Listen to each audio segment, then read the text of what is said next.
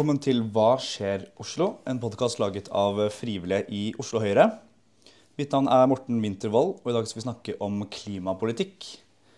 Og med oss for å snakke om det, så har vi en erfaren Høyre-politiker. Bl.a. tidligere vært kommunal- og moderniseringsminister, eh, men sitter nå i energi- og miljøkomiteen på Stortinget. Velkommen til deg, Nikolai Astrup. Takk skal du ha. Hvilke klimasaker er det du jobber med om dagen? Akkurat nå så jobber jeg jo veldig mye med energikrisen, som eh, eh, virkelig setter sitt preg på Europa.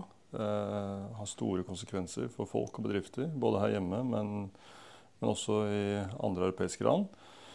Og det henger jo ganske mye sammen med klimapolitikk, mm. egentlig. Eh, det vi jo har sett eh, de siste månedene, er at vi har hatt eh, tørke i Europa. Den verste tørken på 500 år. Eh, det har igjen gjort at eh, vi I Frankrike har det bare vært 20 av 56 kjernekraftverk i drift. Rett og slett fordi de ikke får kjølevann, eller kjølevannet er for varmt til å slippes ut igjen mm. i, i, elvene. Det har vært problemer, paradoksalt nok, i et klimaperspektiv med å frakte kull til tyske kullkraftverk fordi det er for lite vann i elvene. Og I år har vi jo da sett tørke ikke bare i Europa, men på tre kontinenter samtidig. I USA hadde vi den verste tørken på 12 000 år i deler av USA. De fant til og med eh, dinosaurspor i uttørkede elveleier som antagelig aldri er sett av mennesker før. Mm. Kina har hatt rasjonering av strøm um, som følge av tørke. Og midt oppi dette så har vi jo hatt den verste flommen i Pakistan noen gang. Um, som berører over 30 millioner mennesker.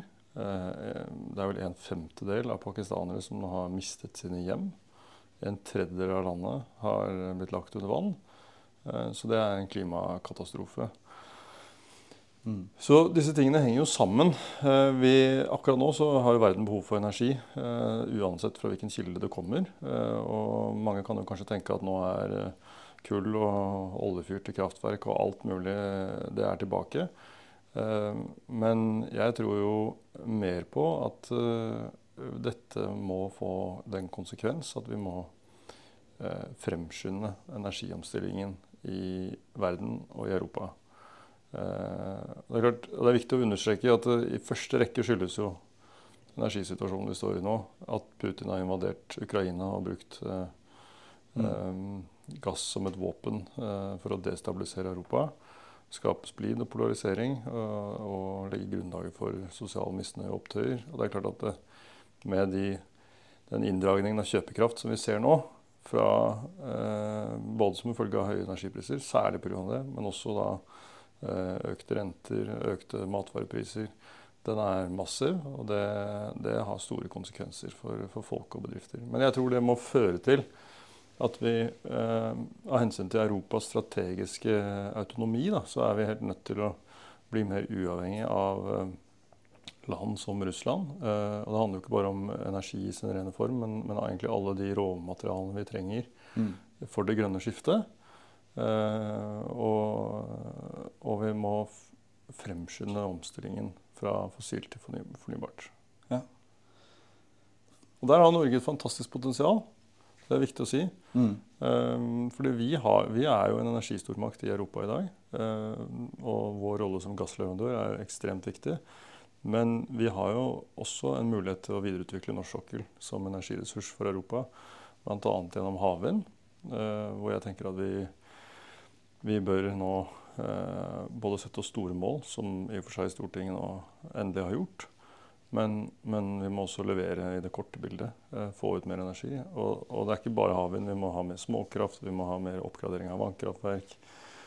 Vi må eh, ha mer vind på land der det er ønsket. Eh, og ikke minst solenergi er et fantastisk potensial. Og det kan du bygge på det jeg kaller ferdig rasert natur. Og det er jo veldig bra. Altså mm. på hustak, på parkeringsplasser, på annen offentlig infrastruktur så kan du etablere det. Ehm, og energieffektivisering selvsagt er, også viktig i dette bildet. Så det er mange kilder vi kan hente, hente energien, eh, energien, fra. Ehm, og, og, der skjer det jo nå mye. Men paradokset er jo at regjeringen akkurat har lagt frem et eh, noen skatt, forslag til skatteendringer, eller en skattebombe, som det ble omtalt som her i forrige uke, og det var det virkelig. Som eh, bidrar til å trekke ting i motsatt retning, som gjør det mindre lønnsomt å bygge ut uh, f.eks. ny vannkraft, oppgradere vannkraftverk, uh, få ny effekt, altså evne til å produsere mye strøm samtidig. Det kan nå bli ulønnsomt ifølge mange av aktørene. og Det er noe vi må gå nærmere inn i. Fordi det kan ikke være sånn at regjeringens kortsiktige eh, pengebehov eh, og deres manglende evne til å prioritere budsjettpolitikken gjør at vi da havner helt på den andre siden av skalaen, nemlig at det blir, for, for, det blir mindre eh, fornybar energiutbygging, og at vi dermed bidrar til å forsterke og forlenge krisen som vi, som vi står i akkurat nå. Mm. Så mange spørsmål, men for meg så er det sånn akkurat nå så henger klima energipolitikk og sikkerhetspolitikk veldig tett sammen. Mm. Det er som du er, eh, er, inne på, at alt henger jo sammen. Klimapolitikk er jo komplisert ofte, globalt, og handler også om, om en del store investeringer eh, og litt eh, risiko. Um, men mange har vært bekymret for først under koronakrisen, og så nå med krig i Europa, at liksom, klima um, alltid blir skjøvet liksom ned av en annen viktigere og mer sånn krise som er her mer her og nå. Er du, er du bekymret for at uh, det blir vanskelig å få med seg folk på klimatiltak, og kanskje dyre klimatiltak fremover? Ja, jeg skjønner hvor det spørsmålet kommer fra. Mm. Og det er ikke noe tvil om at uh, det, det, mest akutte krisen akkurat nå, det, det, handler jo om folk som ikke klarer å betale regningene sine. Om bedrifter som går over ende fordi strømregningen er så høy. Eh, om eh, produksjon av, av, viktige ting som verden trenger, som nå stenges ned fordi strømprisene er høye. Mm. Så, så, det må løses. Men det henger tett sammen med klimaet likevel. Og, og det må føre til at eh, energiomstillingen går raskere. Uh, for det er jo ikke det grønne skiftet som har forårsaket denne situasjonen vi står i nå. Det er, uh, og i hvert fall ikke at det har gått for fort. Det er mer at det har gått for sakte. Mm. Og det, det, må vi ta konsekvensen av. Men det kommer til å kreve store investeringer. Og da er det jo utrolig viktig at vi har en regjering som legger til rette for det her hjemme. Og gjør det attraktivt å satse på, på, på fornybar energi. Og, og, sånn som det ser ut nå, så, så går det i feil retning. Så, men ja, jeg er jo bekymret for at uh, dette kommer i bakleksa. Og da er det verdt å minne oss selv om at denne klimakrisen den er jo her nå. Uh, og jeg, jeg syns jo den sommeren vi har sett nå, ja. er en god illustrasjon på det. fordi de klimaendringene som jeg nevnte i sted, vi, altså de hendelsene som er et utslag av klimaendringene, som vi har sett nå verden over eh, i løpet av sommeren, det er jo ting som forskerne trodde skulle skje eh, om mange tiår. Mm. Men det skjedde nå allerede. Uh, og det er vel noe sånt som at Ved 1 grads temperaturøkning så øker sjansen for ekstreme værhendelser med 75 uh, ganger. Og det, det, er ikke da kan vi da tenke oss til hva skjer når det er to grader. Eller to og en halv, eller tre grader. Mm. Eh, det kommer til å få helt enorme konsekvenser. Og da, da, blir jeg også litt provosert når noen prøver å skyve de, de fattige foran seg i verden og si at ja, vi må sørge for energi til dem, og derfor kan vi ikke bry oss om klima nå. Mm. Men det er jo de som blir hardest rammet. Altså, vi er i stand til som samfunn å håndtere ganske mye. Eh, men verdens fattige land, som f.eks. Pakistan, har jo ikke den eh, samme motstandsdyktigheten mot klimaendringer, og det kan få enorme konsekvenser.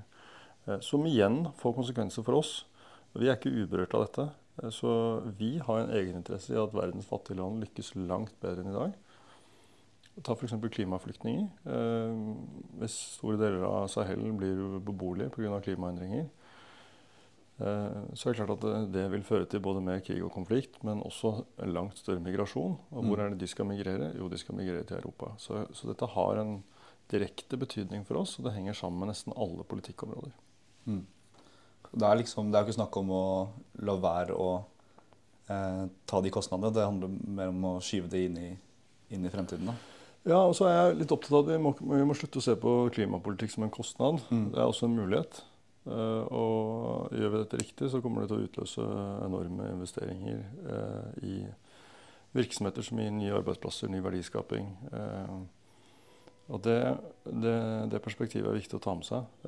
vi skal investere i nye energisystemer, mer effektiv energibruk. Vi skal bygge ut mer fornybar energi.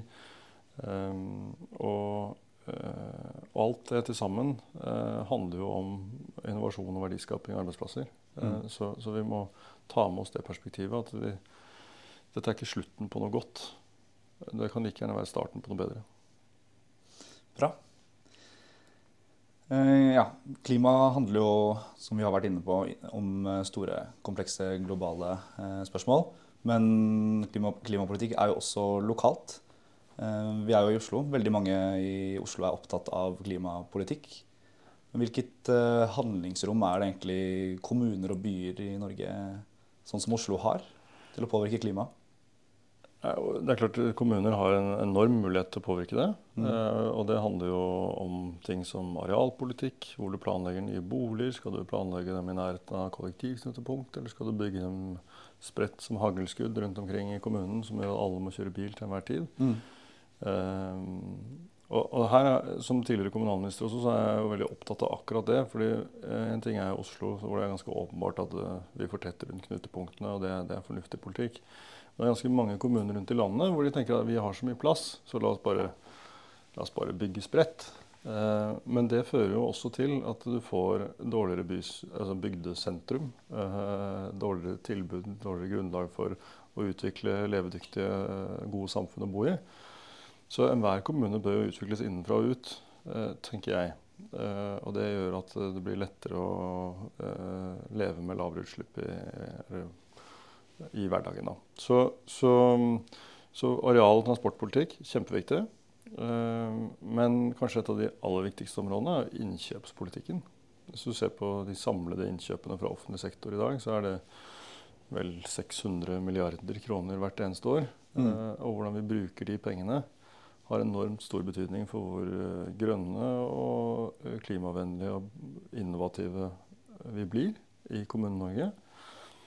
Så, um, og det handler jo om alt fra sant, å ha en bevissthet rundt hva, hva slags type kjøretøy er det du kjøper inn til kommunen, hvilke krav stiller du når du eh, skal bestille eller når du skal leie et bygg eller bestille en ny tjeneste. Så kommunen har en enorm makt til å påvirke utviklingen og bidra til at leverandørene tenker mer miljøvennlig. Mm. Og på mange områder så er det sånn at næringslivet går foran. Eh, og så Det er ikke nødvendigvis farlig å stille disse kravene, fordi næringslivet ser jo at det kommer til å være en konkurransefordel eh, å være i stand til å levere eh, tjenester og varer med så lavt fotavtrykk som mulig. Og de som tenker bærekraft i dag, det er også de som kommer til å lykkes i morgen. Og det, det tror jeg stadig flere bedrifter tar inn over seg. Så er det jo sånne store ting da, som, som karbonfangst og -lagring. Mm. Eh, nå er det- aktuelt i Oslo. ja, og det er jo aktuelt i Oslo med Klemetsrud-anlegget, hvor du kan da fange CO2 fra avfallsforbrenning. Og det som er fint med det, er at mye av dette er jo organisk materiale som du brenner, og da, da blir jo karbonregnskapet enda, enda bedre av det. Men, Mm. men, eh, men det å fange CO2, eh, det kommer vi ikke utenom som en del av klimaløsningen. Eh, Og kommunene har en mulighet til å ta sin del av ansvaret for det. Og her har jo staten, også da vi satt i regjering, eh, fått på plass virkemidler som, som gjør at flere kan gjøre det. Eh, og nå har jo også Klemetsrud-anlegget fått nye på, eh, nye selskaper inn på eiersiden Mm. som skal være med å realisere det, det prosjektet. Og Oslo kommer aldri til å nå sine klimamål innen 2030 hvis ikke vi også gjør noe med avfallsforbrenningsanlegget på Klemetsrud. Så det er jo Ja, kommunene, sånn som Oslo, har jo ett uh, mål om å kutte 95% innen 2030. Og så har Norge noen mål. Men eh, et utslipp i, utslipp i Oslo er jo utslipp i Norge, da. Vil du si litt mer om det, det samspillet? Hvordan Mm. eh, sånn spillerommet er? Sånn, Oslo kommune kunne vel ikke startet et uh, kjernekraftverk, f.eks., uh, hvis de ville. Det er vel noen eh, Nei, det kunne de ikke. Det er det, det er det mange grunner til. Fordi det, det, det krever en nasjonal infrastruktur. Uh, og hvert land må jo ta ansvar for sitt eget uh, avfall. Og Mm. når, det gjelder, altså, når det gjelder avfall fra atomkraftverk, og det, eller kjernekraftverk. Så, så, så det kunne de ikke. Men, men det er klart, likevel så og, og det kan godt hende at kommunene burde hatt eh, friere handlingsrom på en del områder til å sette sin egen politikk. mm. Eh, for å nå klimamålene sine. Eh, og vi, staten kommer jo ikke til å nå sine klimamål hvis ikke kommunene bidrar. Mm. Så, så, her henger alt sammen med alt, og vi er avhengig av å spille hverandre gode, rett og slett. Eh, vi må ha en regjering som forstår eh, kommunenes eh, behov og muligheter. Og,